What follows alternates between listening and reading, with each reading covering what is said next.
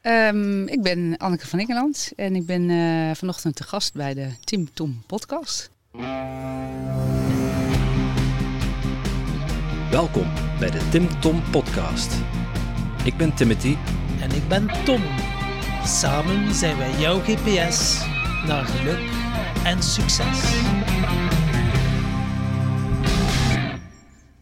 Dag lieve luisteraars en welkom bij een nieuwe aflevering van de Tim Tom podcast. En het is voor mij wel een, eh, een bijzondere aflevering, Tom. Juist een bijzondere aflevering. Hè? Je hebt uh, iemand leren kennen tijdens jouw uh, snowboardreis in Macedonië, was het dat? Inderdaad. Vorig jaar. Noord-Macedonië was ja, pre-corona nog. En je zei tegen mij, ik heb er twee mensen leren kennen en die zouden heel goed passen in onze podcast. En een van die mensen was Anneke.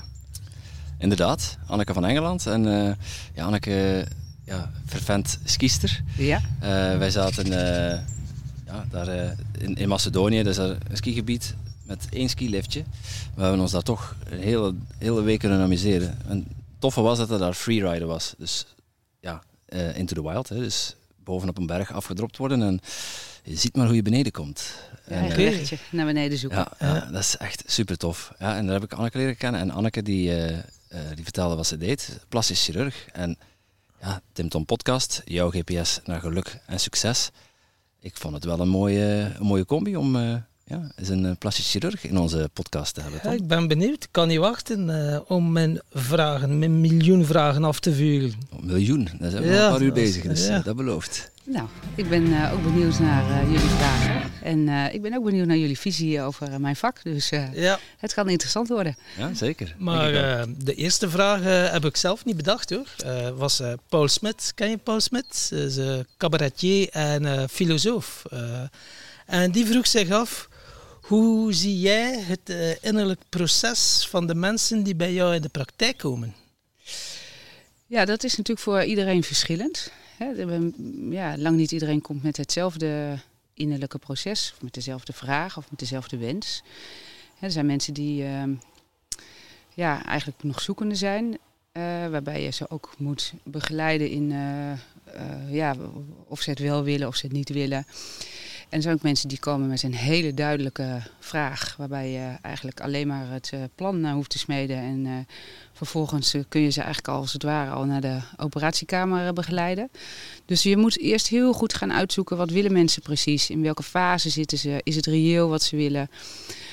Um, dus, dus dat is eigenlijk is het echt heel goed uitfilteren in het begin. Oké, ik En iedereen komt op, met, een, met een verschillende ja, innerlijke ik hoorde je zeggen, uh, eerst even aftoetsen in welke fase dan ze zitten. Uh, hoeveel fases heb je zo volgens uh, jouw beeld? Ja, kijk, als je dat in grote lijnen zou bekijken, denk ik dat er ergens op een moment een soort van wens bij mensen reist, opkomt. En dat kan best lang duren voordat het echt nog zo geconcretiseerd wordt dat je, dat je ook daadwerkelijk de stap neemt om een keer een intakegesprek te laten doen. En wat ik uh, wat mij eigenlijk verbaasd heeft, is dat zo'n intakegesprek voor veel mensen eigenlijk best een hoge drempel is. Terwijl ik denk, ik zeg ook altijd, mensen zitten daar en die zijn soms best zenuwachtig. En dan zeg ik altijd, ja, maar vandaag bij het intakegesprek gaan we echt geen gekke en enge dingen doen. We gaan alleen hm. praten en we gaan kijken of het iets is wat uh, op jou van toepassing is. En je, je moet niks, alles mag. Dus vandaag is het hoeft de drempel eigenlijk niet zo hoog te zijn. Maar toch is die eerste stap naar een intakegesprek voor mensen vaak al een hele hoge drempel. Dat heeft mij verbaasd. Ja. Oké, dan is het aan jou om die mensen gerust te stellen, denk ik. Ja. En uh, wat trucjes heb je zo om mensen op hun gemak te stellen? Want ja, dan hoor ik ook wel, ja, mensen zijn, hebben wel wat angst of zijn bang. Wat zijn zo trucjes dan, of trucjes of uh, uh, tips dat je luisteraars kunt geven van kijk, zo kan je wel mensen op hun gemak stellen? Nou, dat zullen jullie ook wel merken. Je hebt jullie natuurlijk ook echt een enorme variatie aan mensen voor je hebben. Hele diverse mensen. En niet iedereen moet je op dezelfde manier benaderen. Dus je gaat, ja, eigenlijk probeer je al een inschatting te maken als je mensen binnenhaalt. Hè? Als ze in de wachtkamer zitten en je roept ze binnen, kijk ik al wat, wat, wat heb ik eigenlijk voor iemand voor me hoe lopen mensen? Zijn ze alleen? Uh, nou, dus je kunt dan een heleboel signalen, kun je al wat mee. Maar soms is dat ook een schijnbedriegt, dus daar moet je ook voorzichtig mee zijn. in al die jaren dat ik dit werk doe, probeer ik, het lukt me niet altijd, maar probeer ik dat vooroordeel wat ik in eerste instantie heb van mensen al af te werpen. Want soms kom je echt eh, bedrogen uit en denk je, oh ja, ik, ik denk dat ik wel weet wat voor type dit is en hoe ik die moet of kan benaderen. En dan toch denk ik halverwege het gesprek, oh, dit heb ik toch een beetje verkeerd ingeschat. Uh, dus ik vind dat super leuk. Ik vind dat echt heel erg leuk.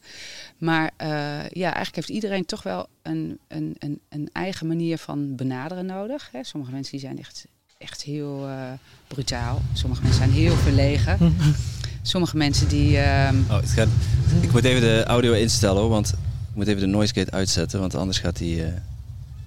Ja, dit is, een, dit is het vervelende van uh, dichtbij. Uh, ja, het is natuurlijk het zonnetje in het ja. zonnetje zitten. Dat is kiezen. 20 graden. Ja. En, uh, maar het is ook wel lekker buiten. Ja, toch? Ook gerust zijn. Ja, nou, we, hebben geen last van de, we hebben geen last van de techniek, Hanneke. Ja, nee, dat nee, is, daarom. Ik wel. Daar hebben wij inderdaad geen last van. Dus maar als ik het dan hoor, plastisch chirurg is ook wat psycholoog zijn en coach zijn uiteindelijk? Nou, uiteindelijk wel, ja. En dat is goed voor uh, de cliënt die je voor je hebt zitten. Maar het is ook vooral goed voor jezelf. Want het laatste wat je wil is uh, gedoe achteraf. En ik, heb, ik ben nu bijna 15 jaar bezig in dit vak. Dat buiten de opleiding om. En als ik zie hoeveel meer belangrijker dat intakegesprek geworden is in de loop der jaren dan dat, het, dat je in eerste instantie als je aan het werk begint doorhebt. Ja, dat is wel mooi om te zien eigenlijk, uh, als je begint met het werk, is vooral je technische handeling voor je, voor je, voor je gevoel het allerbelangrijkste. Maar naarmate je dit vak doet en het, hè, de operaties veel en veel en veel meer uitvoert, en je daar dus eigenlijk een soort van handigheid in krijgt, hè, je mag echt wel vertrouwen op je eigen kennis en kunde, is het, verschuift het steeds meer naar dat intakegesprek. Dat wordt nog veel belangrijker. Want je moet gewoon uitfilteren. De mensen die niet geschikt zijn of de mensen waarvan je verwacht dat het problemen gaat opleveren. Die moet je eruit halen. niet alleen voor die mensen zelf, maar ook voor, voor je eigen praktijk. En hoe, hoe bepaal je of iemand geschikt is of niet geschikt is? Ja, het is een vingerspitsengevoel. En ik, heb, ik, ik ben niet 100%, maar ik merk wel dat ik daar steeds beter in word. Ja, dus ik weiger ook wel eens mensen. Waarbij ik echt een gevoel krijg van, nou, dit gaat gewoon niet, dit gaat niet de goede kant op. Dit is gewoon niet uh, prettig. Dit, is niet, dit voelt gewoon niet goed. En soms kom je er ook te laat achter. Ja, en, en, dan moet je, moet je wat dingen gaan oplossen. En heb je zo een keer een voorbeeldsituatie dat je voelde van oké, okay, uh, ja, die ga ik niet helpen? Is dat dan zo eerder van, wow, jongen, we ziet er goed uit, uh, voor jou is het niet soms, nodig? Ja, soms ja. Dan, dan, dan hebben mensen ideeën of wensen waarvan je al weet dat het gewoon ja, niet reëel is. Dat je het niet waar kunt maken. En het heeft ook te maken met je eigen, met je eigen ja, kennis en kunde. want soms zijn er dingen die ik niet kan, maar die een collega waarvan je weet dat een collega dat wel kan. Ook dan moet je zeggen van nou, dit is niet aan mij. Ik ga iemand anders inschakelen. Ik ga je naar iemand anders toesturen, want die kan dat wel. Dus uh, buiten het feit omdat je moet inventariseren of uh, cliënten geschikt zijn, moet je ook je eigen, ja, je eigen vakkennis en je chirurgische uh, vaardigheden heel goed kennen. Uh, want soms moet je het gewoon ook daarom niet doen. Ja, het is niet Dan dat denk je, nou, ik denk dat het wel kan. We hebben wat jij wil, dat kunnen we wel gaan leveren. Maar ik kan het niet. Dus ik ga je doorverwijzen naar die en die collega, want die heeft dat gewoon veel beter in de vingers. Ja, het is niet dat je zo iemand ziet binnenkomen. Yes, de, de euro's komen binnen. Het maakt mij niet uit wat dan ze vragen. Nee, dat is niet jouw nee, manier van werken. Zoals wij het opgebouwd hebben binnen, binnen het bedrijf waar ik werk, uh, is het zo dat eigenlijk zit er iemand naast mij. Dat is mijn consulent. En mijn consulent die doet het financiële gedeelte. Dus ik heb daar ook helemaal niks mee te maken natuurlijk weet ik hoe het reilt en zeilt en heb ik daar wel ideeën over. En soms hebben wij het achteraf, achter, uh, achteraf het uh, intakegesprek erover. Ik en mijn consulenten, die heeft dan vragen erover. Dus het is niet zo dat ik helemaal zeg maar bleu ben daarin. Maar het is wel fijn als je dat kunt scheiden van elkaar. Want uh, ik denk als dat de drive wordt om je operaties in te plannen, dan ga je gewoon ongetwijfeld problemen krijgen. En dat, dat is het laatste wat je wil. Dat is het laatste wat je wil, echt. Ja, je veroorzaakt problemen, het zijn niet jouw problemen natuurlijk als iemand, eh, als je operaties gaat doen waar problemen van ontstaan, dan, dan voel ik mij verantwoordelijk. Ja, ja. Dan wil ik het ook oplossen. ja, dat je verantwoordelijkheidsgevoel hebt. Dat wil ik dan ook oplossen. Dus als je dat kunt voorkomen, dan is het beter. Voorkomen beter dan genezen, toch? Zeker. Ja. Ja, en, en als, als iemand dan... Um, ja, voor wat, wat, voor dingen komen mensen, mensen langs bij jou? Uh, ik werk in een, in een privékliniek en het gros is uh, esthetiek, dus cosmetische zorg. Maar er is, we doen ook een groot gedeelte verzekerde zorg. En mijn core business is toch alles op het gebied van borsten. Dus daar komen inderdaad de dames met de wens tot een borstvergroting, of wat voor manier dan ook. Maar ik doe ook heel veel borstverkleiningen. Soms heb je dames met verschillen tussen links en rechts die zo groot zijn dat het eigenlijk niet te doen is. Uh, ja, eigenlijk alles op dat gebied. Ja. En uh, als iemand dan binnenkomt, hoe, hoe, maak je dan een afweging of, uh, of het nodig is? Hè? Als iemand een, een borstvergroting wil, ja. maar jij vindt iemand niet geschikt, dat, ja. dat, lijkt mij een hele moeilijke afweging. Is het ook, dat klopt. Er is een heel grijs gebied. Hè, wat, waar, en dat speelt ook in mee wat jouw eigen referentiekader is. Maar ehm, ook daarin heb ik wel in de loop van de jaren gezien dat er in mijn eigen uh, referentiekader verschuiving gekomen is. Ik zal daar heel eerlijk in zijn. als ik zie uh, hoe dat was toen ik begon met, de, met deze praktijk en hoe dat nu is, is daar een heleboel in verschoven. Maar ja, je probeert daarin echt goed bij je eigen gevoel te blijven, dat is één. Maar eigenlijk is nog veel belangrijker, want het, het, het, moet niet iets worden waarvan ik denk van nou, dit is iets wat ik jou kan aanbieden en ik vind dit mooi, dus zo gaan we het aanpakken. Je gaat goed luisteren naar de wens van de cliënt. En dan ga je verzinnen, ten eerste ga je wel verzinnen, is het iets reëels of is het niet iets reëels. Maar als dat valt binnen de reëel, dan kan het zo zijn dat ik denk, ja, het is wel reëel, maar ik vind het eigenlijk niet nodig als ik naar mijn persoonlijke voorkeur kijk. Dat heb ik overboord gegooid.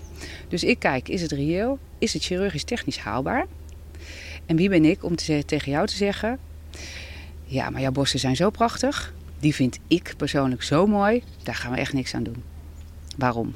Nee, dat is niet aan mij. Dat is niet aan mij. Aan mij is het om te verzinnen, is dit iets wat reëel is? En dat is toch een eerlijk wel een grijs gebied.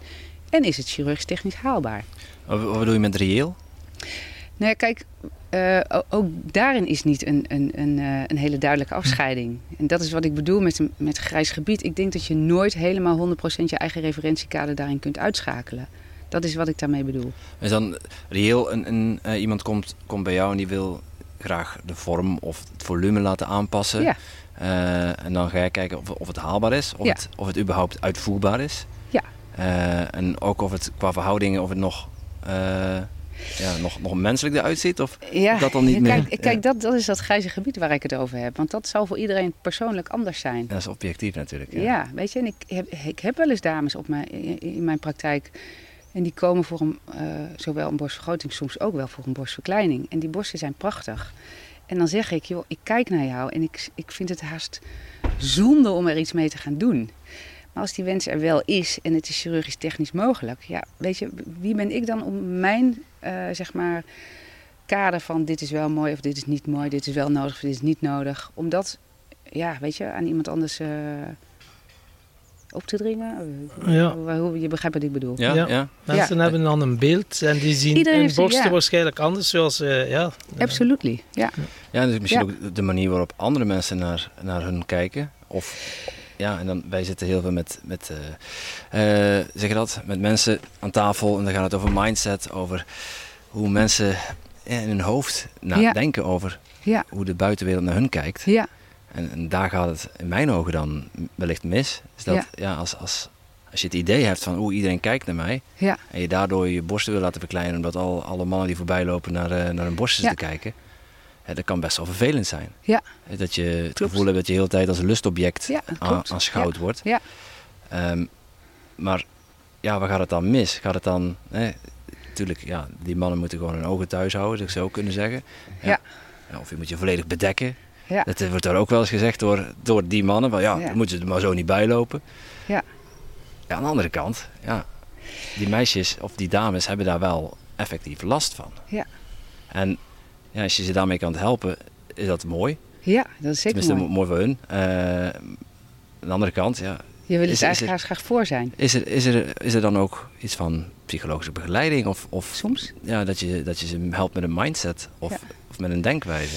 Nou, niet. Behalve als ik echt denk dat, dat, dat mensen echt een totaal uh, uh, ja, zeg maar afwijkend zelfbeeld hebben. Dan kunnen wij ze doorverwijzen naar een psycholoog. Dat doe ik soms ook wel.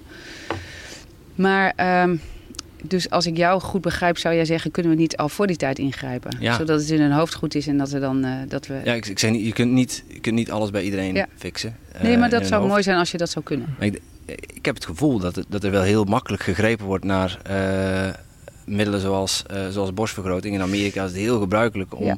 op je 16e verjaardag een borstvergroting cadeau te krijgen. Ja. Ja, Ja, wij- we in Nederland zijn we daar echt veel conservatiever in. Toch wel. Absoluut. Ja, en ik vind, natuurlijk zijn die gevallen er ook. Ehm, maar eh, over het algemeen is het zoals in Amerika, is het in Nederland echt nog niet. Bovendien hebben we afspraken gemaakt met onze vakvereniging dat er onder 18 jaar geen borstvergrotingen gedaan worden. Tenzij het een eh, medische indicatie heeft. Eh, dus daar, is echt, daar wordt echt wel over nagedacht. Ehm, Kijk, het, het fenomeen borst, en ik heb nu twee mannen voor mij. En ik, ik weet niet of mannen zich ook eh, helemaal kunnen inleven wat, wat de borst voor een vrouw is. Kijk, dit is natuurlijk al iets wat, wat bestaat zolang er mensen zijn. Dat daar een gevoel bij is bij vrouwen. Ehm, ja, ik weet niet hoe ik dat zo goed moet uitleggen, maar ehm, dat is een, een, een, iets aan een vrouwenlijf, een borst, waar ja, als je je daar. Ik heb me daar echt ook in mijn praktijk wel over verbaasd. Hoe bestaat het toch dat mensen daar zo. En obsessief is, is zeker niet voor iedereen het, het woord, voor sommige mensen ook echt wel. Ehm, ja, dat dat, dat, dat, zo'n zo'n zo'n zeg maar, zo'n belangrijk iets is om je vrouw te voelen. En dat dat dus ook vaak de drijfveer is om er iets mee te laten doen. Ja, ja ik, kan me niet voorstellen hoe het is om een vrouw te zijn. Dat is onmogelijk. Ja. Hè, dat- Ja, Dan zou ik een hoop plastische chirurgie moeten ondergaan om het, om het, het, fysiek te bestaat, ervaren. Maar het bestaat. dan nog, dan nog steeds zit, zit, zit het in mijn hoofd niet, Ja, eh, niet op één lijn. Maar ik kan me wel daarbij, ik kan me er wel in verplaatsen. Ja, En ja. ja, als je als lustobject bekeken wordt, eh, ik kan me dat wel voorstellen. Ja, dat, dat lijkt me verschrikkelijk. Ja.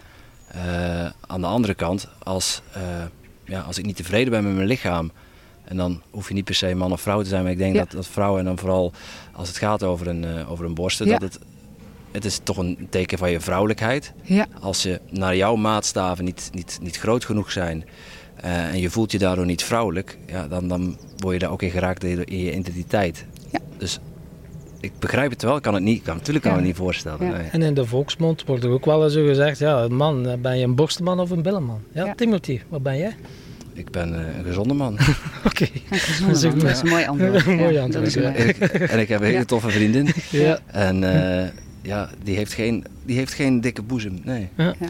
Maar ik heb wel graag, eh tenminste, ik heb, ik, ik, als ik een vrouw zie, dan, ehm, ja, en ik zie dat er bijvoorbeeld botox in de lippen is, of eh, lipfillers eh, ingespoten zijn of ze staan stijf van de botox. En dan, vooral bij de, wat oudere dames kun je dat heel goed zien, want er is dan jarenlang aan gesleuteld en het niet goed gedaan Ja. misschien en, en niet goed gegaan. En, en het gaat van kwaad naar erger, ook bij mannen overigens.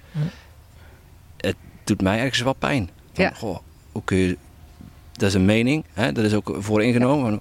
Kun je zo diep zinken om, dat, om je lichaam zo te verminken? Ik krijg echt wel medelijden met zo'n mensen. Als ik die zie, oh, die moeten nou zo diep ongelukkig zijn. En Ja. die denken, door er iets aan te veranderen, dan de mensen hun graag gaan zien. Ja. Want uiteindelijk is dat wel, denk ik, meestal... Ja, dat klopt. Ja. Ja, of of als, ze, als ze niet naar zichzelf kunnen kijken in de spiegel, is het Hm. natuurlijk, ja, als je jezelf niet graag kunt zien en, en je ziet iedere keer jezelf weer, je ziet ja, een bepaald litteken of, of die lippen en het voldoet niet inderdaad aan het plaatje eh, wat je altijd ziet op Instagram, om Ja. even iets te noemen. En je wil dan iets aan jezelf laten doen. Ik, ja, dat, dat, ergens raakt mij dat wel.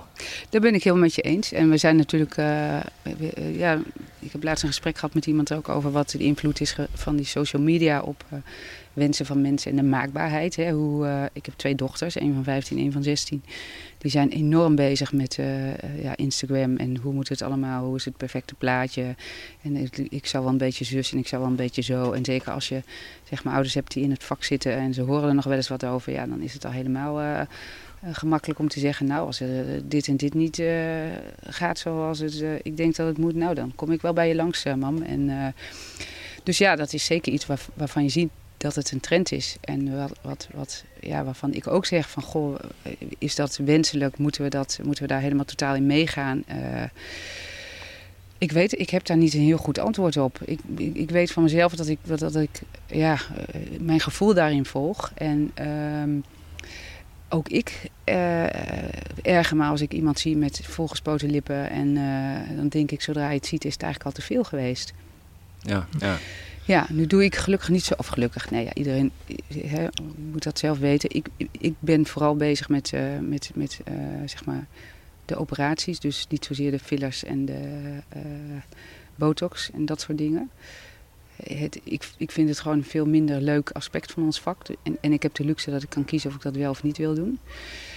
Ehm, als ik kijk naar hoe dat werkt, uh, om even terug te komen op, zeg maar mijn vakgebied, de borsten. Dan zie ik zeker dat soort wensen ook voorbij komen. Maar ik vind het, het idee wat, wat denk ik heerst over het algemeen daarover... Uh, zie ik in mijn praktijk lang niet zo heel uh, groot terug als dat ik denk dat het idee is bij mensen. Ik zie best heel veel dames en ook jonge dames uh, met een wens waarvan ik zelf ook kan verzinnen: Goh, dat, ik, ik snap wel dat je daar wat mee wil. En die komen niet allemaal voor een extreem grote cupmaat. Die komen voor iets erbij. Hè. Ik heb nog niet zo lang geleden een dame, zij was volgens mij 20, 21, met haar moeder. Nou, die had echt vrijwel helemaal niets. En die komt niet voor een day-cup, maar die wil gewoon iets in een bikini, iets in een jurk, iets in een BH. Die is in een leeftijd dat ze ja, volop in, in, in uh, sociale ontwikkeling is, in intieme ontwikkeling is. Ja, die wil zich gewoon vrouw voelen. Die wil zich gewoon vrouw voelen. Dus die heb ik geopereerd en die zijn na afloop teruggekomen. En die moeder zegt tegen mij, ja, ik weet niet wat jij met haar gedaan hebt. Maar sinds zij geopereerd is, heb ik gewoon een totaal andere dochter in huis. En positieve om een voorbeeld, ja, in positieve zin. Om je een voorbeeld te noemen. Ze laat nu gewoon de badkamerdeur openstaan. Ik mag gewoon erin en eruit lopen. Dus um, zeg maar het beeld wat veel mensen hebben van vrouwen die daar komen en in een soort van opwelling bedenken dat ze um, drie keer een cupmaat erbij moeten hebben, dat is lang niet altijd aan de orde. Lang niet altijd. Sterker nog, dat is, dat is, dat is een fractie van het geheel. En bij veel vrouwen is die, is die hulpvraag ja, is best reëel. Ook na zwangerschappen. Als je dan ziet wat, wat vrouwen soms aan borsten overhouden. En waarbij het ja, met best wel een relatief eenvoudige ingreep. Uh, om er iets van te maken waar, waar ze toch weer een soort van zelfvertrouwen uit krijgen. Ja, is dat een hartstikke mooi aspect van mijn vak. En, je, helpt, je helpt mensen. En ja. je zorgt eigenlijk, door een operatie zorg je er eigenlijk voor dat zij ja, psychisch eigenlijk terug zichzelf kunnen zijn. of, of zichzelf kunnen voelen. Ja. Uh, of misschien een ander mens kunnen voelen. En beter, wat beter past bij, zich, bij hun eigen identiteit. Dat is, dat is soms echt een wereld van verschil in zelfvertrouwen. Dat is echt mooi om te zien hoor. Hm. Ja. En met zelfvertrouwen, je kunt het ook kweken door uh, ja, bijvoorbeeld affirmaties of uh, visualiseren. Je kunt jezelf geen grotere borsten visualiseren, dan gaan ze niet vanzelf groeien. Nee. Zo werkt het niet. Nee. Um, maar je kunt wel zelfvertrouwen kweken door uh, positieve ervaringen op te stapelen. Ja. Door te affirmeren, dus door ja.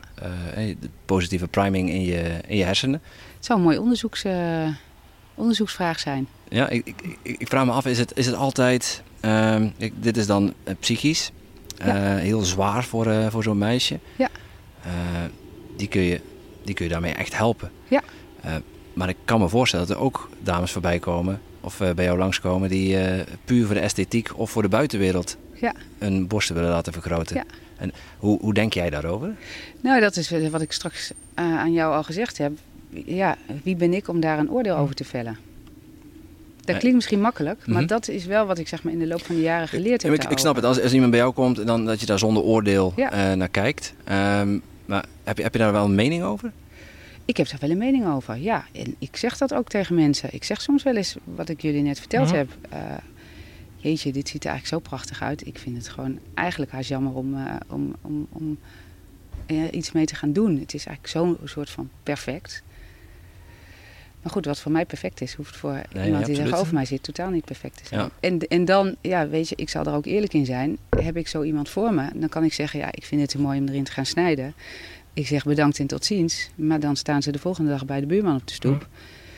En dan doe ik het liever zelf. Maar dat is wel, zeg maar, je probeert daarin een soort van, ja, weet je, eerlijk uh, naar jezelf te zijn. En als je het gevoel hebt van, nou, dit, dit voelt gewoon echt niet goed. Ja, dan mogen ze bij mij de volgende dag bij de buurman op de stoep staan. Maar dan, dan laat ik het aan mij voorbij gaan. Ja. En dat is eigenlijk, ja, een beetje een constante afweging. Meestal is het heel duidelijk hoor. Die afweging die heb ik niet heel vaak. Ja, en, en dan is het fijn dat ik in een organisatie werk waar in ieder geval geen uh, commerciële druk op mij staat. Ja, want dat is wel belangrijk, denk ik. Je Ja. zegt dat eh, je werkt in Daar een hebben wij privékliniek. Totale vrijheid in. Ja, want met de, de commerciële druk, die voel jij niet.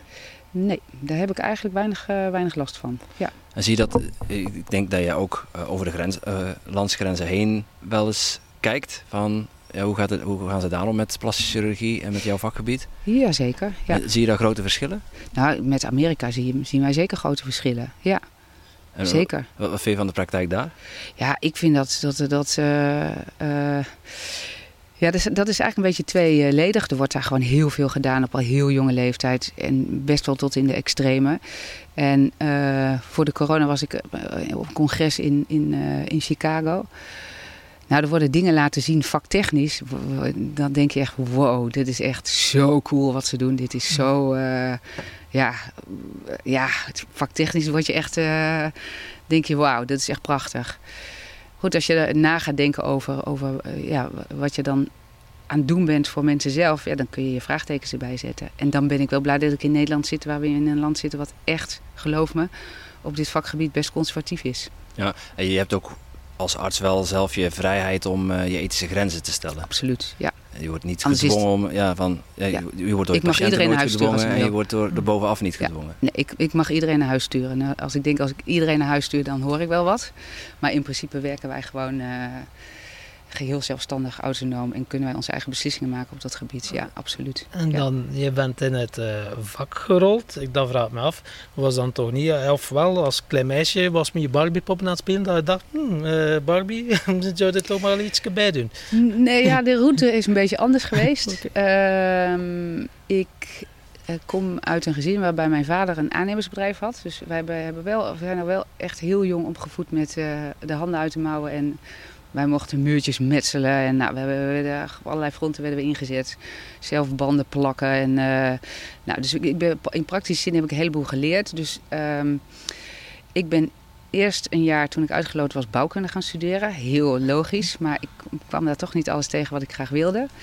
En toen ben ik eh, richting, eh, werd, werd ik weer uitgeloten. Heb ik een jaar fysiotherapie gedaan. En de geneeskunde bleef toch knagen op de een of andere manier.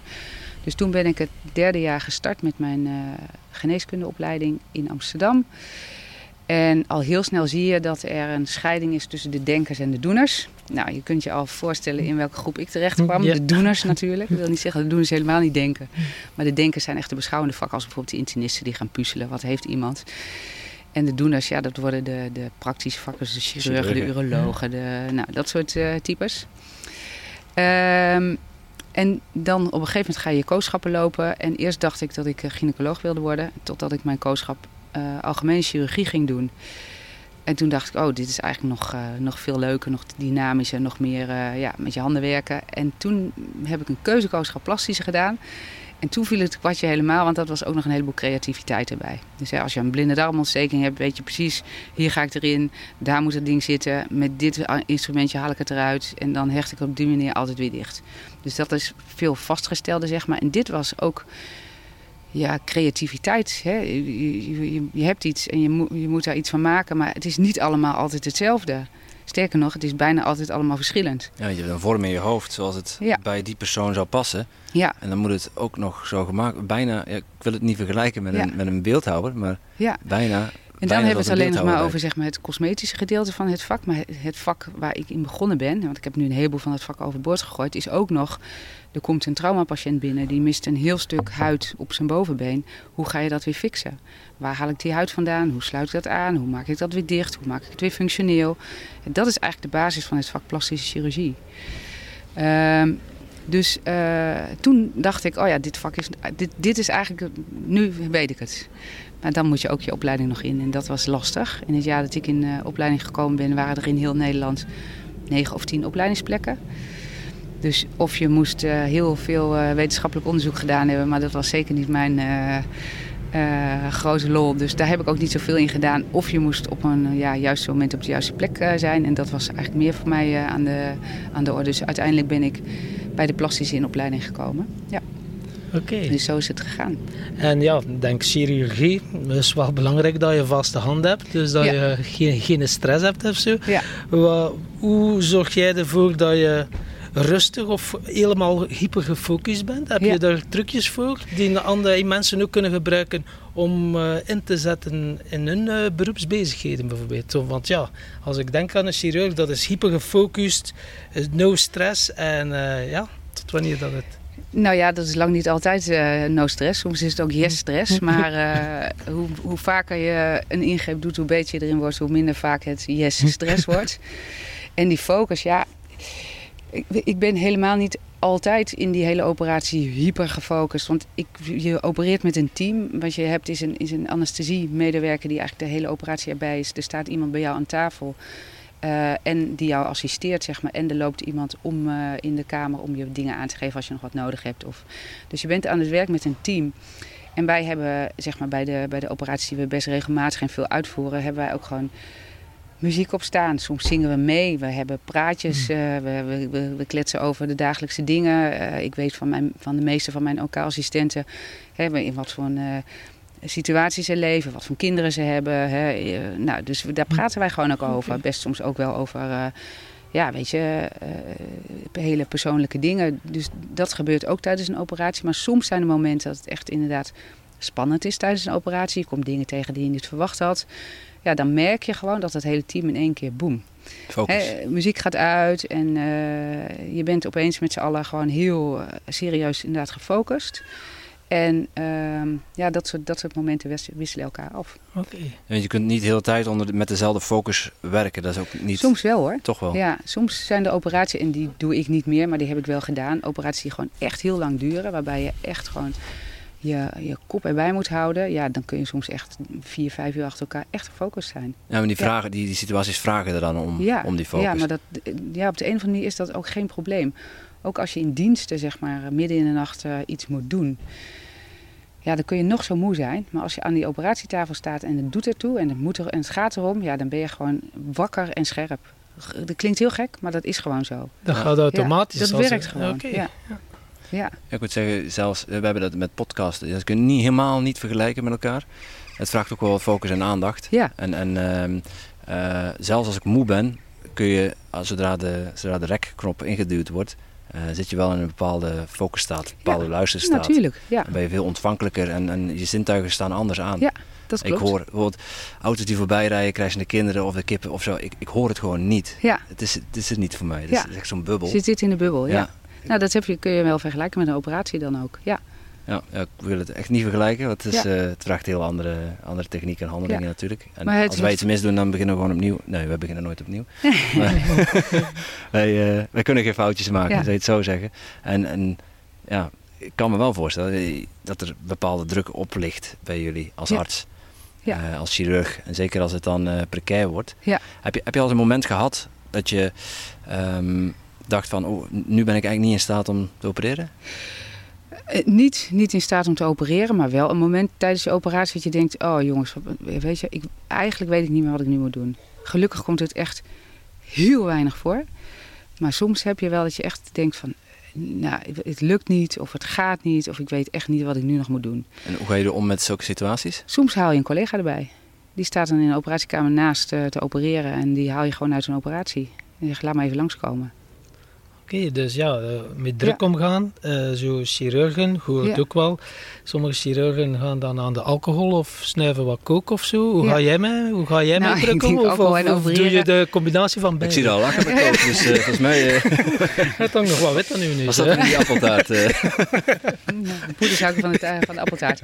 Nee, ehm, nee ik, ik, ik, eh, alcohol en opereren, dat is echt, eh, wat mij betreft, is dat echt een no-go area. En eh, ja, ik klink misschien heel braaf, maar zelfs met mijn 50 jaar heb ik cocaïne nog nooit aangeraakt. Heel saai misschien, maar het is echt niet eh, aan de orde geweest.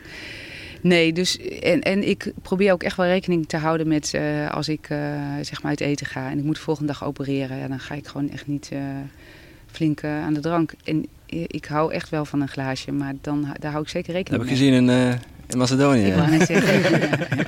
nee, maar daar hou ik zeker rekening mee. Ja. En, en misschien hoe ouder je wordt, nog wel hoe meer. Want ja, dan krijg je, je krijgt er toch een beetje meer last van. Eerlijk is eerlijk. Ja. En als ik dan een keer een spreekuur heb, kan ik nog wel eens denken, nou ja, één glaasje meer of minder maakt nog niet zo heel veel uit. Maar als ik moet opereren, dan ben ik echt... Uh, drink ik één glaasje en dan is het gewoon echt klaar. Maar ja, die druk blijft er wel natuurlijk. Weet het laatste wat je echt wil is, stel dat er iets gebeurt op zo'n operatiedag en, en er zit gewoon nog, weet je, al is het maar voor jezelf dat je denkt van ik ben gewoon niet scherp genoeg geweest omdat ik gisteravond uh, vanochtend gewoon echt in de bonen was. En misschien nog niet eens dat, dat, dat, het, dat het weet je, tot juridische consequenties zal leiden. Maar voor jezelf het gevoel hebben van nou dit is verkeerd gedaan, gegaan. Omdat ik gewoon niet scherp genoeg geweest ben vanwege gisteravond. Ja, dat, dat, ja, dat, dat werkt gewoon niet zo bij mij. En uh, dan die druk. Uh, ga je dan mediteren of ademhalingsoefeningen doen? Of heb jij een bepaalde ritueel om uh, met die druk om te gaan? Ja, nou, nou is dit vak wat ik doe. Een van mijn opleiders zei altijd plastic surgery is happy surgery. En dat is eigenlijk ook wel zo. Kijk, hele grote traumaklappers of hele grote uh, nare dingen, dat maken wij in ons vak eigenlijk niet zo heel erg mee. Dus het is op zich best wel een redelijk uh, rustig hoekje van de totale geneeskunde. En dat is best lekker. Uh, maar goed, desondanks hebben wij wel, zit ik wel in een commerciële uh, ja, organisatie. En is het wel zo dat, het, dat we moeten hard werken daar. Het is wel echt doorpezen. Dat is wel waar. Dus die programma's zitten vol. En dat is misschien nog wat de grootste druk. Dat je gewoon moet zorgen dat je netjes op tijd je programma afgewerkt hebt. En dat je zorgt dat het, dat het, dat het werk gewoon kwalitatief hoog is. Dat is zeg maar voor mij hetgene wat druk levert. Mm. Uh, en ja, mediteren, dat, dat, dat doe ik soms wel eens. Dat, eh, dat heb ik uh, uh, ooit geleerd bij een mindfulness cursus. Toen het ook op mijn werk redelijk hectisch was. En daar heb ik zeker wel wat aan.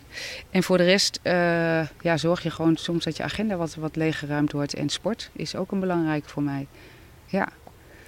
En hoe, ja, sport, ja, je bent skiester. Ja, dat dus, wordt wat lastig met, als je dit weer om je heen ziet. Ja. Wat, wat doe je zelf nog om fit te blijven? Ik uh, zwem. Uh, toen jullie vanochtend hier naartoe reden, lag ik om acht uur in het zwembad. En uh, zondagochtend is eigenlijk standaard mijn zwemochtend. En ik probeer door de week ergens een fiets, ergens een keer fietsen in te plannen. En ik probeer ergens in de week een keer yoga in te plannen. Dus dat zijn eigenlijk de drie dingen die nu op dit moment de sport zijn waar ik mee bezig ben. Vooral als het weer aan het werken gaat. En het andere wat ik doe is, ik heb mijzelf bijvoorbeeld deze zomer getrakteerd op zes weken vakantie. Kijk. Dus dat zijn de dingen, ja. dat zijn de dingen waar, uh, ja, weet je, waar, niemand die doet het voor je. Dus dat moet je echt voor jezelf uh, regelen. Dus uh, dat is eigenlijk mijn, ja, wel druk van de ketelmoment geweest deze zomer. Heerlijk. En ik heb mezelf getrakteerd op een wandeltocht in de bergen, helemaal in mijn eentje van een week. Oké, dan ga je een week, en hoe, hoe, hoe een pak je dat aan? Gewoon een huttentocht? Ja, dus dan, ik heb ergens een gebied in Oostenrijk gekozen. En, uh, ja, dat was ook voor het eerst voor mij, maar het was echt, uh, ik vond het echt heerlijk. En hoe, hoe was dat? Ik vond het echt een openbaring. Ik vond het ook spannend. Ik dacht, goh, ga je je eenzaam voelen? Ga je je alleen voelen? Uh, hoe gaat het worden? Ik wist het ook niet. Maar ehm, ik ben gestart en de eerste avond was ehm, zat ik heel, ja, het was echt totale toeval, maar zat ik helemaal alleen in een hutje waar eigenlijk 15 mensen konden blijven slapen. Het was ook nog niet zo hoog, dus die bergen waren ook allemaal nog niet zo indrukwekkend. Het begon onwijs te regenen, dus ik keek naar buiten en ik dacht echt van, waar ben ik nou echt, waar ben ik eigenlijk mee bezig? Wat, waarom zit ik hier in mijn eentje uh, in de bergen? In, wie, wie wil ik wat bewijzen? Maar goed, toen uh, heb ik lekker gegeten en uh, toen ging de regen stoppen. En ik denk, nou, ik ga nog maar even een rondje wandelen, want er is verder ook niet zoveel te beleven hier. Ik had wel met de dames die de hut bestierden gesproken, maar die moesten ook weer allerlei dingen doen. En toen liep ik naar buiten en toen piepte de zon weer tussen de wolken door. En toen kon ik heel ver kijken en zag ik eigenlijk, ja, die bergen omheen waren hoog en prachtig. En echt, oh ja, dit, dit is wat ik wil zien, dit is wat ik wil zien. Dus toen heb ik, nou, een uur, anderhalf uur nog buiten gewandeld. Ben ik om half tien in, in, mijn bedje gekropen. Want om tien uur gaat het uh, licht uit in de hut en gaat iedereen slapen. En de volgende ochtend werd ik wakker en ik lag onder een raam. Dat kon natuurlijk kiezen, want ik was de enige. Ik kon het plekje kiezen waar ik wilde slapen. En ik deed de gordijntjes open en keek naar buiten en ik zag het zonnetje opkomen. Het was echt zo prachtig, zo prachtig. ik, dacht, ah. ik hou ook van de bergen, dus ja, kan het dus zo dacht, voorstellen. Ja, dit, dit, is, dit gaat helemaal goed komen. Dus toen ging ik mijn uh, eerste volle dag ook echt wandelen. En ik heb denk ik gemiddeld 6, 6,5 uur op een dag gewandeld. Dat is niet superveel, ook niet super weinig, maar echt heerlijk te doen. 6 à 7 uur? 6, 6,5 uur ongeveer, ja. Dat vind je weinig? Nou ja, als je s morgens om 8 uur start, dan ben je, ja, ja, ja. met een pauzetje ben je drie uur in de hut. Dat was, ja, dan kun je eigenlijk nog misschien nog wel twee uur doorlopen. Maar dat was echt heerlijk, heel lekker, relaxed tempootje. Het was echt zo lekker. Het, was, de wandelen was ook zo lekker. En het was, uh, je bent natuurlijk wel de hele tijd aan het denken. Maar waar ik achter gekomen ben, is het voelt zo opgeruimd. Je hebt eigenlijk alles achter je gelaten. Uh, het, het, maar het is niet piekeren. Dus het is een soort van, je bent een soort van stressvrij uh, in je hoofd. Dat was echt zo uh, heerlijk. Ja, en dan kom je in de hut aan en dan, nou ja, het huttenleven, dat vind ik ook altijd fijn. De mensen die dit soort dingen leuk vinden, die in die hutten zitten, dat, ja, dat past natuurlijk allemaal wel een beetje bij elkaar. En je bent in je eentje, maar je kunt eigenlijk altijd wel ergens aanschuiven. En om een avond in je eentje te zitten met een boek of een schriftje om wat op te schrijven, is ook helemaal geen straf. Ik, ja, ja, aan de andere kant. Ik, ik ben een keer in mijn eentje op wintersport geweest. Ja. Uh, ik heb Wat heb wel, jij verteld toen, ja? Ja, ik, ik heb me daar wel eenzaam gevoeld. Op momenten. Uh, of je komt jezelf tegen en je weet niet goed hoe je met je eigen gedachten om moet gaan. Ik ja. weet niet waar, waar het dan al ligt. Heb je, heb je dat ook ervaren daar? Nou, misschien uh, het eenzaam voelen misschien eerder als je onder mensen bent. Want dat wandelen in mijn eentje in de berg vond ik echt zalig. Heb ik me echt, echt oprecht geen seconde eenzaam gevoeld. Maar eerder misschien als je zeg maar een ja, setje van mensen in zo'n hut aan tafel ziet. En ze hebben allemaal lol met elkaar en ze hebben allemaal gezellige gesprekken. En dan kun je je wel eens een beetje eenzaam voelen. Maar uh, ja, ik, ik, ik, ik heb eigenlijk ja, de meeste avonden gewoon wel ergens ben ik aangeplakt. En uh, is, er zit altijd wel iemand naast je waar je een klein gesprekje mee kunt aanknopen. En het ene gesprek is interessanter dan het andere gesprek. Maar ik heb ook best wel echt wel leuke mensen ontmoet. En bijzondere momenten meegemaakt. Ja, dus dat is.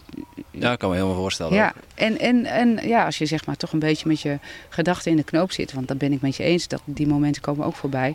Ik had een uh, boekje bij me en ik, dan, dan, ga ik schrijven en dan is het voor mij is het ook uh, is het dan uh, weg of zo. Ja. Is ja. dat iets dat je thuis ook doet als je Soms. even ja, een boekje... Maar ik merk gewoon zeg maar, in die hectiek van de dag met werk en kinderen en nog een sociaal uh, systeem waar je af en toe ook wat aandacht aan moet besteden. Dat komt er gewoon niet van. En dat was ook zo lekker daar. Ja. Dat kan me voorstellen. Hè? Maar het, ik, ja, uh, aan de andere kant, wat, wat, wat, wat ik ervoer is wat uh, niet zozeer dat je daar, als je daar bent in die hut uh, en dan andere mensen spreekt, dat, dat is nog oké. Okay. Maar ik had het moment dat ik even alleen was en er geen mensen om me heen. Ze hebben de skipistes links en rechts en bij het eten spreek je altijd wel mensen. Ja. in het hotel of het hostel waar ik zat ook wel, beneden in de lobby. Maar boven, ik zat op een kamer van vijf. Ja. Die was helemaal leeg. Ja. En de, normaal is het een dorm. En daar Ja. slapen dan andere mensen.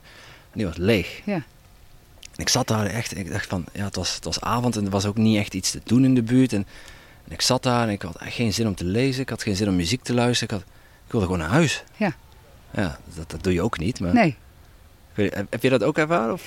Nou nee, ja, en misschien is het wat dat betreft anders in zo'n hut, omdat het gewoon om tien uur gaat daar gewoon het licht uit. Dus Ja. iedereen gaat slapen. Iedereen is onder zeil, dus je hebt ook niet het gevoel dat je iets mist of zo. Nee, want iedereen ligt te tukken. Dus ja, ik- als, het licht denk- om tien uur uitgaat effectief. En Ja. Dan, ja. Ja, dan is er ook echt helemaal niks meer te beleven. Dus ik kan me wel voorstellen als je het gevoel hebt dat er om je heen nog allemaal eh, dingen gaande zijn. En eh, dat het een ander gevoel is dan wanneer je weet, ja, ik kan nu wel wat willen, maar ja, er is helemaal niks. Nee, dat is Ik, dat wel was, wel, anders, was, best, was best relaxed. Ja, ik zat dan in een, dorpje eh, en er was inderdaad wel het een en ander te doen. Ik had er gewoon allemaal geen, even geen zin meer in. ja. Ik heb het moment niet gehad. Nee. Nee. Nee, Nee, nee, maar- rondtrekken in de huttentocht, dat is misschien, eh, ja, is misschien wel een optie, ja. Ik vond het echt heerlijk. Ik, nu ik dit gedaan heb, denk ik, eigenlijk zou ik elk jaar Ja. gewoon Even weg van... in je eh, eentje. Misschien is het voor heel veel mensen wel goed. Ja. Ja, toen ik jou heb leren kennen, eh, was ik ook in mijn eentje op reis. Ja. Tenminste, eh, naar Macedonië in mijn eentje en dan eh, twee dagen citytrip daar, eh Ja. Skopje. Ja. En dan eh, door naar eh, eh, Popova, Ja. Waar, we zaten. Eh, maar ik wist ook dat als, als we bij Popova waren, eh, ik had een reis geboekt bij een reisorganisatie. Ja. Dus ik weet ook dat het club, met een club Nederlanders, eh, dat je in ieder geval contact kunt hebben met mensen. Ja. En je vormt toch ook echt een groep. Ja, klopt. En we hadden heel weinig, relatief weinig contact met andere mensen die dat in het hotel klopt. waren. Dus je, hokt toch samen. Ja. En dan ben je wel samen, alleen en samen, Ja. maar echt alleen alleen. En Ja. zoals die andere wintersport die ik deed, dat is toch wel een aparte ervaring. En dat is dat wandelen ook. Ja.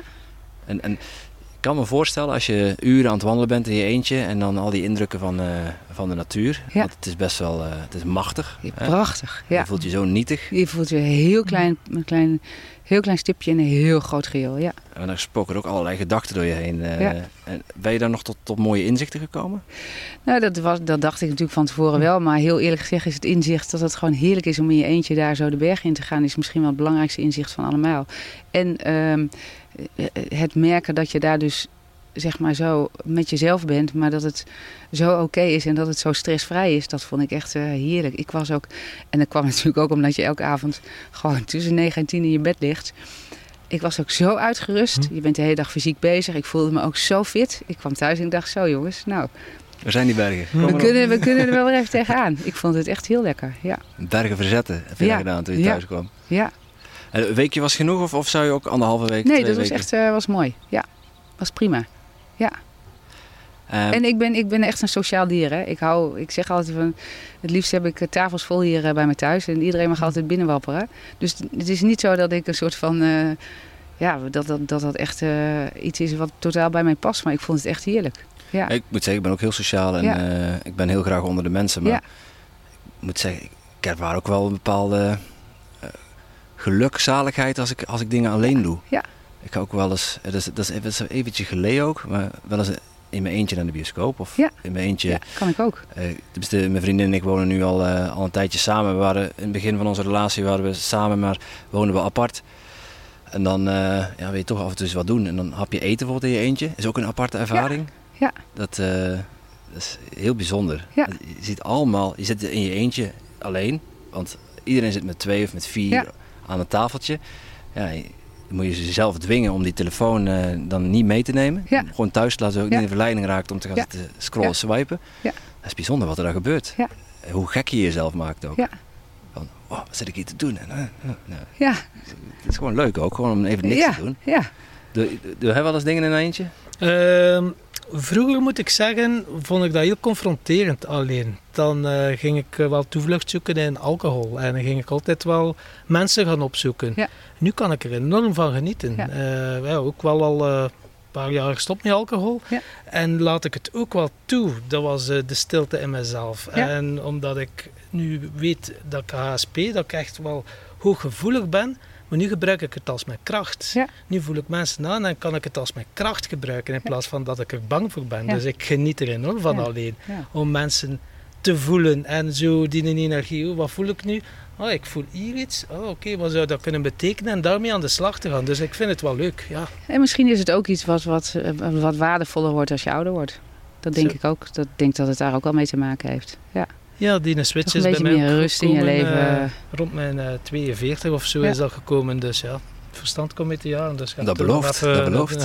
Ja. Dat Nou, een belooft. jonge halfgod, hè, dus ja. Ja. ja. Ik, eh, ik zie hier eh, kipjes achter mij lopen. Ja. Eh, je was er net over aan het vertellen. Dat is misschien ook wel leuk voor de luisteraars. Ja. Want dat was jouw eh, dat was- Rona-project. Ja, dat is het corona-project van vorig Hm. jaar. En eigenlijk op eh, ja, een beetje doordouwen van mijn jongste dochter. Die, eh, die wilde dat heel graag. Ik zeg, nou, dat is goed, gaan we doen. Ga maar research doen op internet en vertel maar, kom maar met een plan. Nou, dat moet ik aan mijn jongste dochter niet zeggen, want die duikt erin en die bijt zich erin vast. En dan eh, wordt het gewoon eh, gefixt. Maar dat doet ze echt grondig. Dus die had heel hard op internet gezocht naar wat voor kippen moeten dat dan worden en wat hebben we allemaal nodig. En, dus er kwam echt een soort van businessplan met een aantal soorten. En via Marktplaats eh, had ze een plek eh, opgezocht waar we een eh, broedmachine konden halen. En dat was aan de ene kant van het land. En goh, aan de andere kant van het land moesten precies deze eieren vandaan gehaald worden. Dus ik ben door het hele land heen gekrost op zoek naar alle spullen die we nodig hadden om dit project van de grond te krijgen. Zo gezegd, zo gedaan. Dus we hadden op een gegeven moment een broedmachine en 10 eieren. En die broedmachine heeft nou bijna drie weken, volgens mij is het 18 of 19 dagen, moeten die eitjes onder de kip normaal gesproken. Maar die hebben dus zo lang in de broedmachine gezeten. En toen kwamen er inderdaad uit de 10 eh, eieren, hadden wij vijf eh, kuikentjes. En eh, die hebben we een tijd lang onder een, ja, zo'n broedlamp gehad. En op een gegeven moment konden ze ook, eh, waren ze groot genoeg, konden ze ook naar buiten. En toen wisten we eigenlijk nog niet wat het was, waar- of het hennetjes of haantjes waren. Maar uiteindelijk bleek het een prachtig setje van één haan en vier hennen te zijn. Dus Ja, die beesten zijn ook zo tam. Dus het, zijn, het zijn krieltjes en het zijn uh, een beetje uh, ja, goudbruin zijn ze. Ze zien er echt heel donzerig Ja, uit. Ze zien super schattig en zacht Ze zijn uit, heel eh. schattig, ja. En sociaal ook. Je kunt ze eten uit je hand, je kunt ze vastpakken. Het is, ze zijn sociaal, ze komen echt er een beetje rondjes scharrelen. En als je ze roept, dan komen ze eraan. Ze zijn echt heel lollig. Dus eh, ik, het is eigenlijk nog veel leuker dan ik verwacht had. En, En normaal gesproken zitten ze in een hok, maar als ik hier thuis ben, dan eh, lopen ze gewoon hier door de tuin te scharrelen. En je hebt elke dag verse eitjes, hartstikke lollig. en hebben ze ook al eh, een naam? Ja, ze hebben zeker een naam. De, de haan, de- we hadden eh, eigenlijk allemaal één eh, beest, eh, hadden we een naam gegeven. En die heette een curry, kip curry. We hebben een pino, we hebben een kiwi. En de haan, die heb ik een naam gegeven, maar ik wist niet dat het haan was. Maar toen dacht ik, we hebben... Tandoori? Nee? Nee, we hebben, we hebben, dit zijn eh, kippetjes met zo'n kuifje op hun hoofd. Ik denk, dat moet Elvis worden. Dus de haan heet Elvis. Ja. Schitterend. Ja. Ja. Dus de haan heet Elvis, ja. En het is echt, eh, ja, het- nogmaals, ik vind het is leuker dan ik verwacht had. Het zijn echt eh, schattige diertjes. En hoe bijzonder het is, dat, eh, die komen natuurlijk uit die broedmachine. Dus die beesten hebben nul, ja, voorbeeld van vader kip, of vader haan, moeder kip. Maar die haan gaat op een dag gewoon kraaien. Denk je, wat hoor ik nou, wat hoor ik nou? Ja, dat is dus gewoon een soort van instinct en dat zit in die beesten.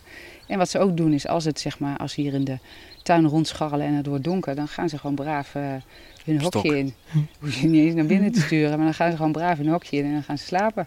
Het is echt heel grappig. Heel, Nee, echt geen opvoeding nodig. nee, het gaat allemaal vanzelf. Het is echt zo bijzonder. Ja. Dan komen ze ook binnen? Nou, soms eh, vinden ze het heel gezellig en dan komen ze naar binnen, maar ze hebben geen eh, luiertjes om. Dus eh, dat eh, mogen ze, dat willen dat Ze zijn niet zindelijk ook. Nee, die kakken echt overal alles onder.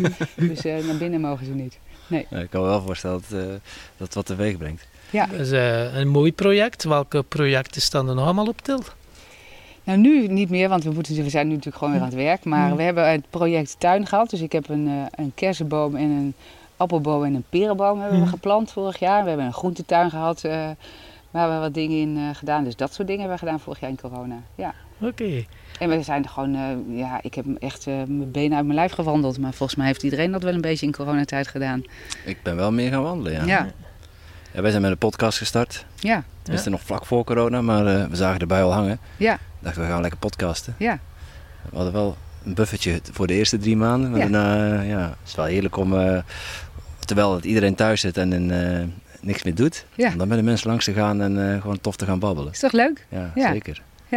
Nou, jij hebt mij dat vorig jaar gevraagd en ik dacht gelijk, oh, dat vind ik wel grappig. Ik, ja, ik vind het sowieso leuk om wat over mijn vak te vertellen, want ik ben echt, ik hou van mijn werk. Ik vind het echt, eh, ja, ik- ja, het is heel leuk. Het is een hele mooie combinatie van eh, bezig zijn met je handen, maar je werkt ook in een team. En eh, nou, wat ik uitgelegd heb, je moet ook nog een beetje nadenken over mensen die bij je langskomen met wensen die wel of niet haalbaar zijn. Het is, ik vind het echt een superleuk vak. Ja, Ik, ik, ik vroeg me daar nog iets over af, maar de, we gingen dan over op, Ja. op iets anders. Ja, Ze zat opeens van in de op bergen. Ja. Daar houden we van, van de ja hak op de toch? tak. Ja, vind ik ook We leuk. komen altijd weer terug bij, eh, bij de rode draad. Hè? Ja. Ehm, maar ja, die, die plastische chirurgie, er zit ook wel een, dark side aan. In die zin, j- jij denkt dat ik wel weet welke kant ik op wil. Maar Maar stel de vraag. ja, het, kan ook, het kan ook mensen wel beschadigen. Ja. Aan de ene kant. Ja, Eh, zeker. fysiek en emotioneel. Ja. En eh, hoe, hoe ga je daarmee om? Met, met, met mensen die dan Ja. bijvoorbeeld door iemand anders mishandeld zijn. Ja. En een andere plastisch Ja. eh, chirurgijn, zullen we het zo noemen. Ja. Eh, iemand die wat minder omgaat, eh, goed omgaat met de e- eh, ethiek. Ja, met de ethiek van het vak, ja. Ja, dat is altijd lastig natuurlijk. Ehm, dat probeer je te voorkomen. Hè, dat, dat het ten, ten alle tijden. En daarom is het fijn dat ik werk in een organisatie waar die eh, commerciële druk niet zo groot is. En ik heb gelukkig zelf daar ook niet zoveel last van. Ehm, ja, waar je een operatie doet, heb je risico's. Zo simpel is het. En het belangrijkste is dat je mensen goed informeert over die risico's en dat je daar ook echt eerlijk in bent. En dat mensen gewoon een, goede overweging kunnen maken. Doe ik het wel, doe ik het niet? Ehm, ja, weet je, zijn de risico's het mij waard? Ehm, maar eh, feilloos, zonder enige vorm van complicaties of problemen, is dit werk niet.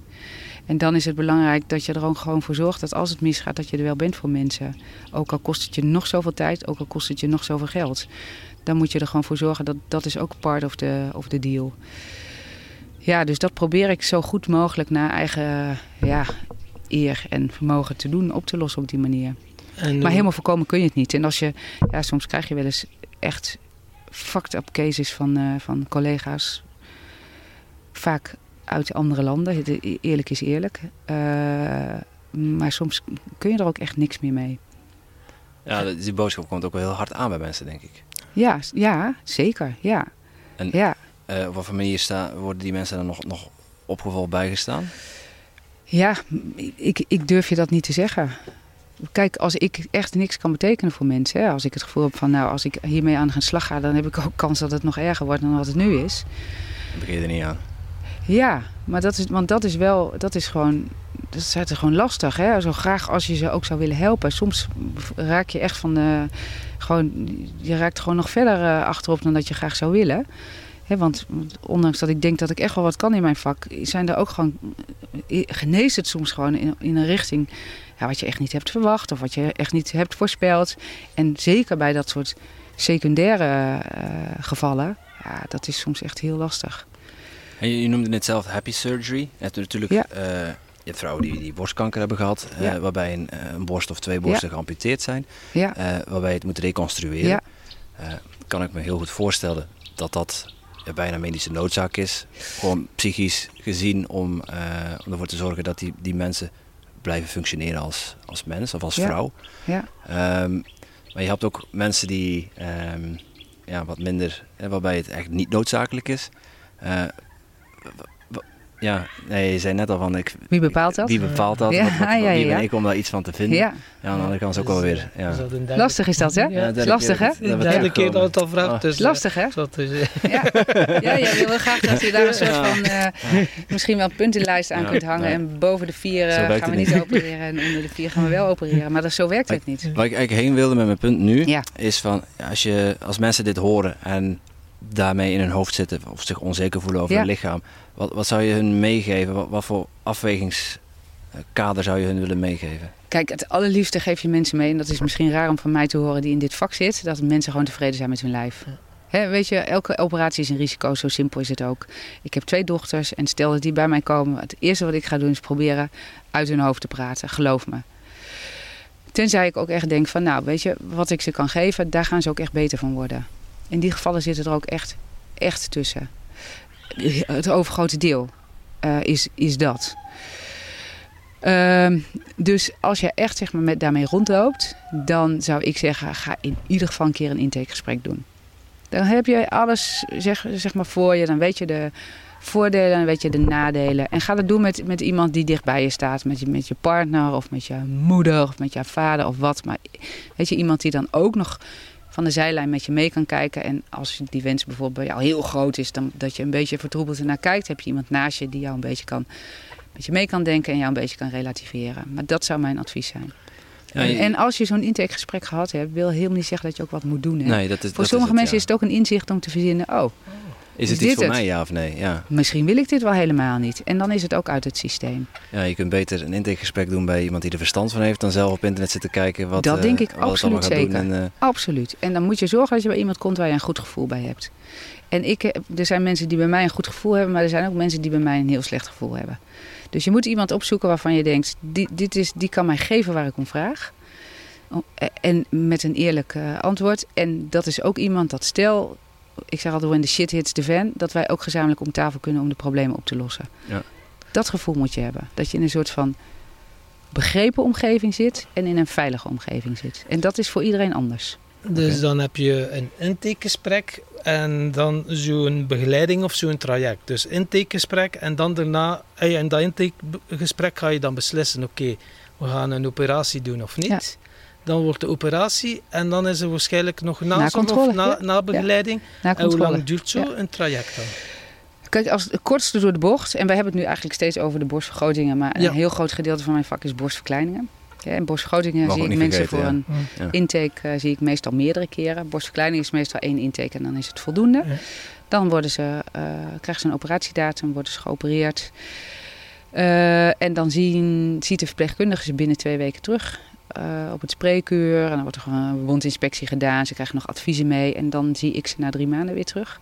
En als er meerdere keer alles wat vaker nodig is, kunnen we gewoon extra inplannen. Ja, want inderdaad, we hebben het heel tijd over borstvergroting. Wij zijn mannen. Dus, Ja. dus dat is dan weer duidelijk. Ja, Borstverkleining is ook wel een ding, inderdaad. Ja. Want ja, te grote borsten is ook weer pijnlijk of het zit in de weg of het is, mensen vinden het lelijk. Het, het, het, het, blijft niet dezelfde vorm houden als je naarmate je ouder wordt. Dus ik kan me ook wel voorstellen dat, dat je daar dan ook psychisch last van krijgt. Absoluut. En je geeft zelf ook aan van het grote deel van de mensen die langskomen, die komt voor een borstverkleining. Ja. Je, je gaf net aan voor- en nadelen. Ehm, ja, iedere operatie heeft risico's. Ja. Ehm, maar als je een aantal voordelen en nadelen zou moeten noemen, ja, de voordelen zijn dan fysiek en psychisch, denk ik. Eh, kijk, aan elke borstverkleining kleeft ook, het is niet alleen functioneel, hè, want vrouwen kunnen echt last hebben. Ze kunnen niet fatsoenlijk sporten. Kleding is een drama. Uh, dus daar zit pijn in de rug. Ja, dus dat zijn eh, schouders, nekklachten. Dat hoort eigenlijk allemaal bij, die, bij, bij, mensen, vrouwen met de grote borsten. Maar er is ook altijd een component van schaamte bij. Dat is bij vrijwel al, alle vrouwen die komen voor een borstverkleining. Dus ze zitten ook allemaal een beetje voorover gebogen. Ze hebben altijd een beetje wijdere kleding aan, sjaaltjes, jasjes, om het maar te verbergen. Ehm, dus die, die ingreep is bijna altijd twee, tweedelig. En functioneel en ook ja, psychisch. Ja. En, en als we kijken naar de nadelen van... Uh, van een borstverkleining? Van, een, ja, van zo'n ingreep. Wat, wat moet ik me nou bij voorstellen? Nou, eh, voor een borstverkleining is het heel eenvoudig, want je krijgt een borst met littekens. Dat is een nadeel, een flink nadeel.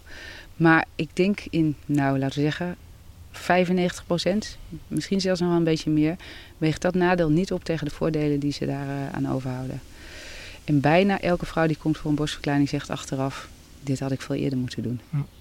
Gewoon echt opgelucht. Ja, ja. Gewicht van de, ja, ja. bij wijze van een gewicht van de schouders. Dat, het, dat je terug uh, ja. meer bewegingsvrijheid hebt ook. Ja. enorm dankbare ingreep is dat. Ja. En borstschouting ook trouwens hoor, maar dit is ja, haast nog veel meer. Ja. Je bent dan van, van het financiële, maar om een idee, ik zou bij God niet weten uh, hoeveel dat zo een standaard uh, behandeling is. Is dat dan 1000 euro of is dat dan 7000 euro? Ik heb het echt geen... Voor een borstverkleining geldt dat het vrijwel altijd vergoed wordt door de zorgverzekeraar. Okay. Dus dat is, is, zit in, een, in, een, uh, in het pakket in Nederland in ieder geval. Okay. Ik weet niet of het in alle landen zo is. En ik denk dat, uh, nogmaals, we hebben het erover gehad. Ik zit helemaal niet op dat financiële gebied. Maar ik denk dat je voor, uh, en dat zou ook van kliniek tot kliniek verschillend zijn. Ja, een paar duizend euro ben je zo uh, verder. Ja, ja oké. Okay. Ja. Ja. ja, ik vroeg mij gewoon een keer af. Dus ja. zo gewoon een keer. Maar... Geen idee. Ja. ja. voor mij is het nu niet nodig. Ik weet niet of dat voor jou nodig is. dus, uh, ik ben tevreden met mijn lijf, okay. Tom. Ja, Zo, toch wel. Dat is ja. fijn, toch? Maar, dat is zeker fijn, ja. Dat is niet onbelangrijk, ook als man trouwens. Hè, want... Zeker. We opereren regelmatig mannen. Borstvorming bij mannen is een uh, bekend uh, probleem. Dat komt ook regelmatig voorbij hoor. Ja, als je als man te veel oestrogeen in je lichaam hebt, dan ontwikkel je gewoon borsten. En dat is niet van te veel eieren eten. Dat is niet van te veel eieren eten, nee. Als zien we dat bij de sumo-worstelaars op tv wel. Ja, maar, ja, ja, ja. Als we, uh, hangen er ook, ik hoor wel eens berichten over uh, mensen die een borstvergroting hebben laten doen. Ja. Uh, en waarbij dan de siliconen zijn toegepast of ja. waarbij er implantaten zijn toegevoegd. Ja. wat, ja, hoor ik ook dat het dan gaat lekken of dat het op termijn toch een lichaamsvreemde stof is en dat het zich gaat afstoten. Ja, ja dat zijn natuurlijk altijd lastige discussies. het is ook weer heel veel in de media. Mijn visie daarover is uh, dat ik zeker denk dat er vrouwen zijn die daar uh, klachten van kunnen krijgen. Het is een vreemd lichaam. Heel sec is het ook iets wat niet in het lichaam hoort.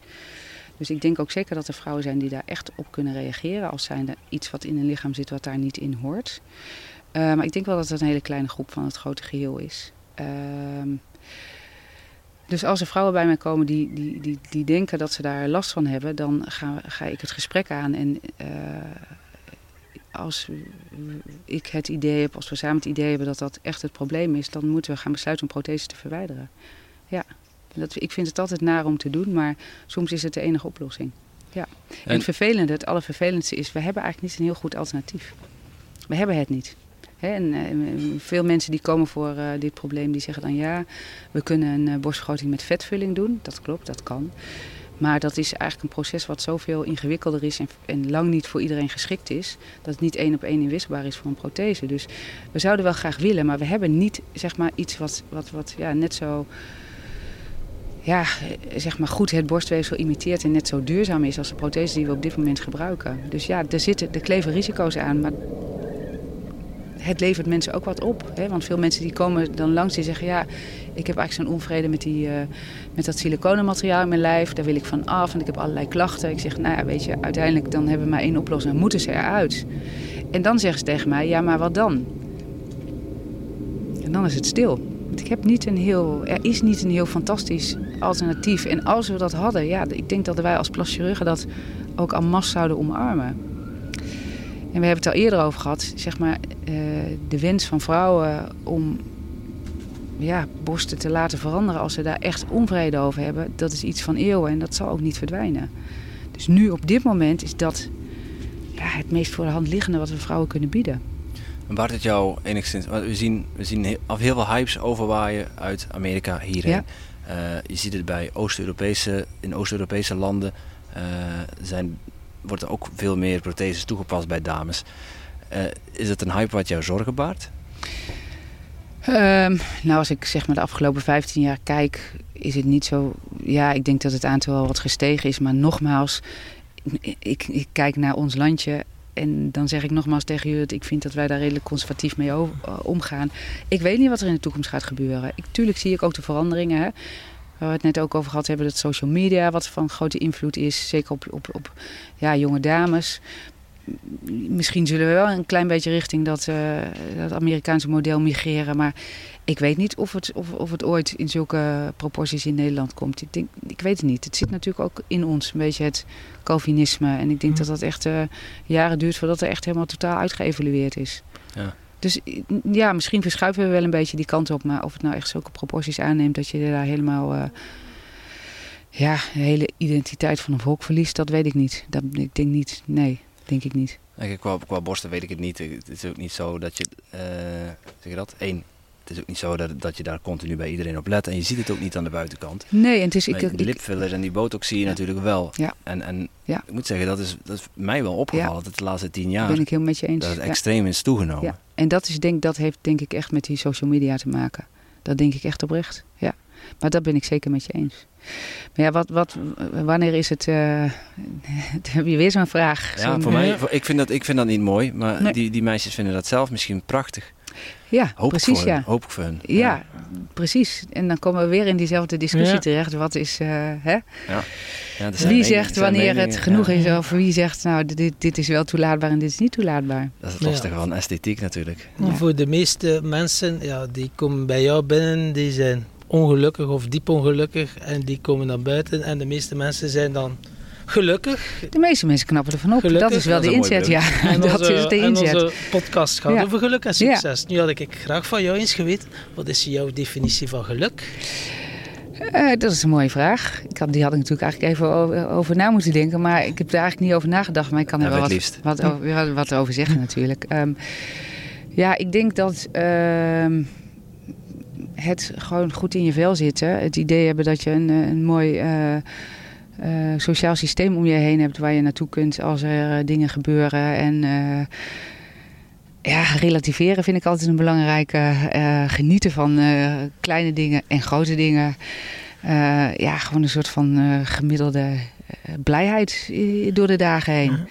En de ene dag is wel eens vrolijker en wat uh, mooier dan de andere. Maar als je overal het gevoel hebt dat, uh, dat de dagen mooi en uh, vrolijk zijn, ja, dat is denk ik voor mij wel geluk. Genieten van de en, kleine dingen. Wat is voor jou bijvoorbeeld, wat maakt jou bijvoorbeeld gelukkig? Nou ja, ik klinkt heel erg, maar die, die kippetje, dat vind ik al lol. Ja. En uh, ik kan ik enorm genieten ook van dingen in de natuur, van bloemetjes. Nou, ik, die berg heb ik echt honderd foto's gemaakt van, nou weer dit bloemetje, nou weer dat bloemetje. En uh, ik zag op een uh, uh, plaat in een van de hutten een bloemetje staan. En dat was, ik weet niet eens hoe het heet, maar een klein bloemetje. Ik denk ongeveer 10, 15 centimeter hoog. Op een steeltje met, met een aubergine kleurtje. En er stond bij dat als je eraan ruikt, dan, is het, dan ruik je chocola. En dat was een bloemetje wat, niet zo heel vaak, wat je niet zo heel vaak zag. Dus ik was aan het wandelen, aan wandelen en opeens dacht ik, hè? Wat zie ik daar? Is, zou dat het dat bloemetje zijn? Dus ik had mijn rugzak afgedaan en ik lag daar op mijn knieën met mijn neus in dat bloemetje en ik rook. Nou, het was gewoon echt pure chocolade. Dus ik deed mijn ogen dicht. Wow, wat lekker is dit. Nou, dat, zijn, ja, dat vind ik een gelukmomentje. Mooi. En ik heb een vriendinnetje uh, van mij, en wij doen best wel regelmatig dingen samen. En dan zijn er gewoon af en toe momenten dat wij elkaar aankijken en dan zeggen we, doen we even zo en zeggen we, dit is weer zo'n momentje, dit is weer zo'n momentje. Dus dat is, dat, is, dat is voor mij, ik weet niet, het is een hele lange definitie. Nee, heel mooi, heel mooi. Zeker. En ja, geluk en succes. Uh, sommigen zeggen het gaat hand in hand. Uh, sommigen geven een heel andere definitie aan, maar wat, wat vind jij, uh, wat, wat voor begrip geef je aan succes? Wel, ja, succes op verschillende, op verschillende fronten denk ik. Succes kan zijn dat je ziet dat je kinderen goed gaan. Uh, als je het hebt over succes, denkt misschien het grootste gedeelte direct aan werk. Ja, ik, ik, ik, ik weet het niet zo goed. Uh, ik weet wel dat we in een wereld leven waarin zeg maar, alles steeds meer, meest, sneller. Uh, en ik heb daar best wel een lange tijd last van gehad. Tot op een gegeven moment dat ik dacht, dan hoorde je weer, nou als je ergens uh, tien jaar werkt, nou dan moet je wel eens een keer gaan veranderen. Want de, stilstand is achteruitgang. En uh, ik dacht, nou, ik zit daar bij die, uh, bij, die, bij die organisatie en ik heb het eigenlijk onwijs naar mijn zin. Ik doe leuke dingen, ik leer echt nog heel regelmatig wat bij. Ik heb leuke teams om me heen. Ik heb eigenlijk onwijs leuk werk. Maar ja, ik zit er al wel uh, meer, nou, zeven jaar, acht jaar. Moet ik niet wat gaan doen? Moet ik niet mezelf verder gaan doorontwikkelen? Of dacht ik, ja, wat zit iedereen elkaar nou een beetje op te jagen? Ik, dit is, ik ben happy in dit werk, het gaat goed, ik verdien er een mooie boterham mee. Ik bedoel, hè, wat kun je jezelf gek maken? Dus ik weet niet, succes is misschien meer uh, in... Uh, ja, nogmaals, dat ik zie dat die kinderen goed gaan. Dat ik hier een lekker huis heb waar ik me happy in voel. Dat ik fijne mensen om me heen heb. Ja, misschien als je zegt happiness en, of geluk en succes gaan hand in hand, is dat misschien, klopt dat misschien wel. Ja. Maar dan heb ik dat misschien niet zozeer op het gebied van mijn werk als wel ja, de rest eromheen. En, en, en ik heb jullie gezegd, ik hou van mijn werk. Ik hou echt van mijn werk. Maar ik, het is nog steeds zo dat ik werk om te leven en ik leef niet om te werken. Ja, je bent niet je werk. Precies. Dat is les die ik uh, deze week geleerd heb uh, trouwens. Ja. ja. weet je, ik heb ook wel eens gezegd als ik van vandaag op morgen de, de loterij win, dan staat er overmorgen voor mij een uh, waarnemer hoor. En dan ga ik een heleboel andere dingen doen. Ja. En welke dingen was staan er nog allemaal dan op je ga ik beginnen met uh, veel, uh, veel reizen. Maar ik zou ook uh, ja, best wel, en het klinkt allemaal weer zo, maar vrijwilligerswerk willen doen. Mooi. Er zijn echt wel wat dingen waarvan ik denk, goh, dat, dat, dat zou me heel leuk lijken om, om, om, om wat mee te gaan doen. Ja, dus er zijn meer dingen in het leven dan werken alleen. Ja. Jazeker. Ja. Mooi. Tot slot wil jij misschien een uh, toffe vraag bedenken voor onze volgende gast. En wat is, wat is, de, wat is de volgende gast? Uh, moet ik even naar Tom kijken. Uh, ik kijk even terug naar jou. Ja. Wat doet, nee, doet de volgende gast? Ze, is een, een, een business coach die ja, vooral CEO's begeleidt over heel de wereld. Paul ja. Zonneveld. Zo Paul meteen. Zonneveld. En dat is ja. een, een, een, coach, CEO... Ja, een business coach die vooral die CEO's begeleidt over... Um, eens even bedenken. Nou ja, als ik het zie waar we het net over gehad hebben, of uh, stilstand uh, altijd achteruitgang is. Of stilstand altijd achteruitgang. Ja, mooie vraag. Is stilstand altijd achteruitgang? Ja. Kijk, ik ben benieuwd wat Paul daarop te zeggen heeft. Ja, ik ook. Mooi, dankjewel Anneke. was een uh, tof gesprek. En tot het was slot, hartstikke leuk. Ja, tot slot, uh, vergeet het. Meestal zegt hij de Timothy. En tot slot heb je nog een wijsheid voor ons of een uh, leuke quote om het af te sluiten. Nou, daar overval je me mee hoor. Um... En stel dat we je niet over, mee overvallen, wat zou je dan zeggen? Uh, toffe quote. Nou, ga een keer in je eentje op reis. Voilà. Ga in je eentje een bergwandeling maken. Okay. Ja. Of, of, of een restaurantje. Zal, of een bergwandeling. Ga, probeer het gewoon, ja. een weekje. Ja. ja. Super. Ja, of, of iets anders in je eentje. Ik denk, ja. ik, het geeft je een heleboel mooie inzichten. Dankjewel, Anneke. Heel graag gedaan. Ik vond het onwijs leuk om mee te doen. Ja, dankjewel.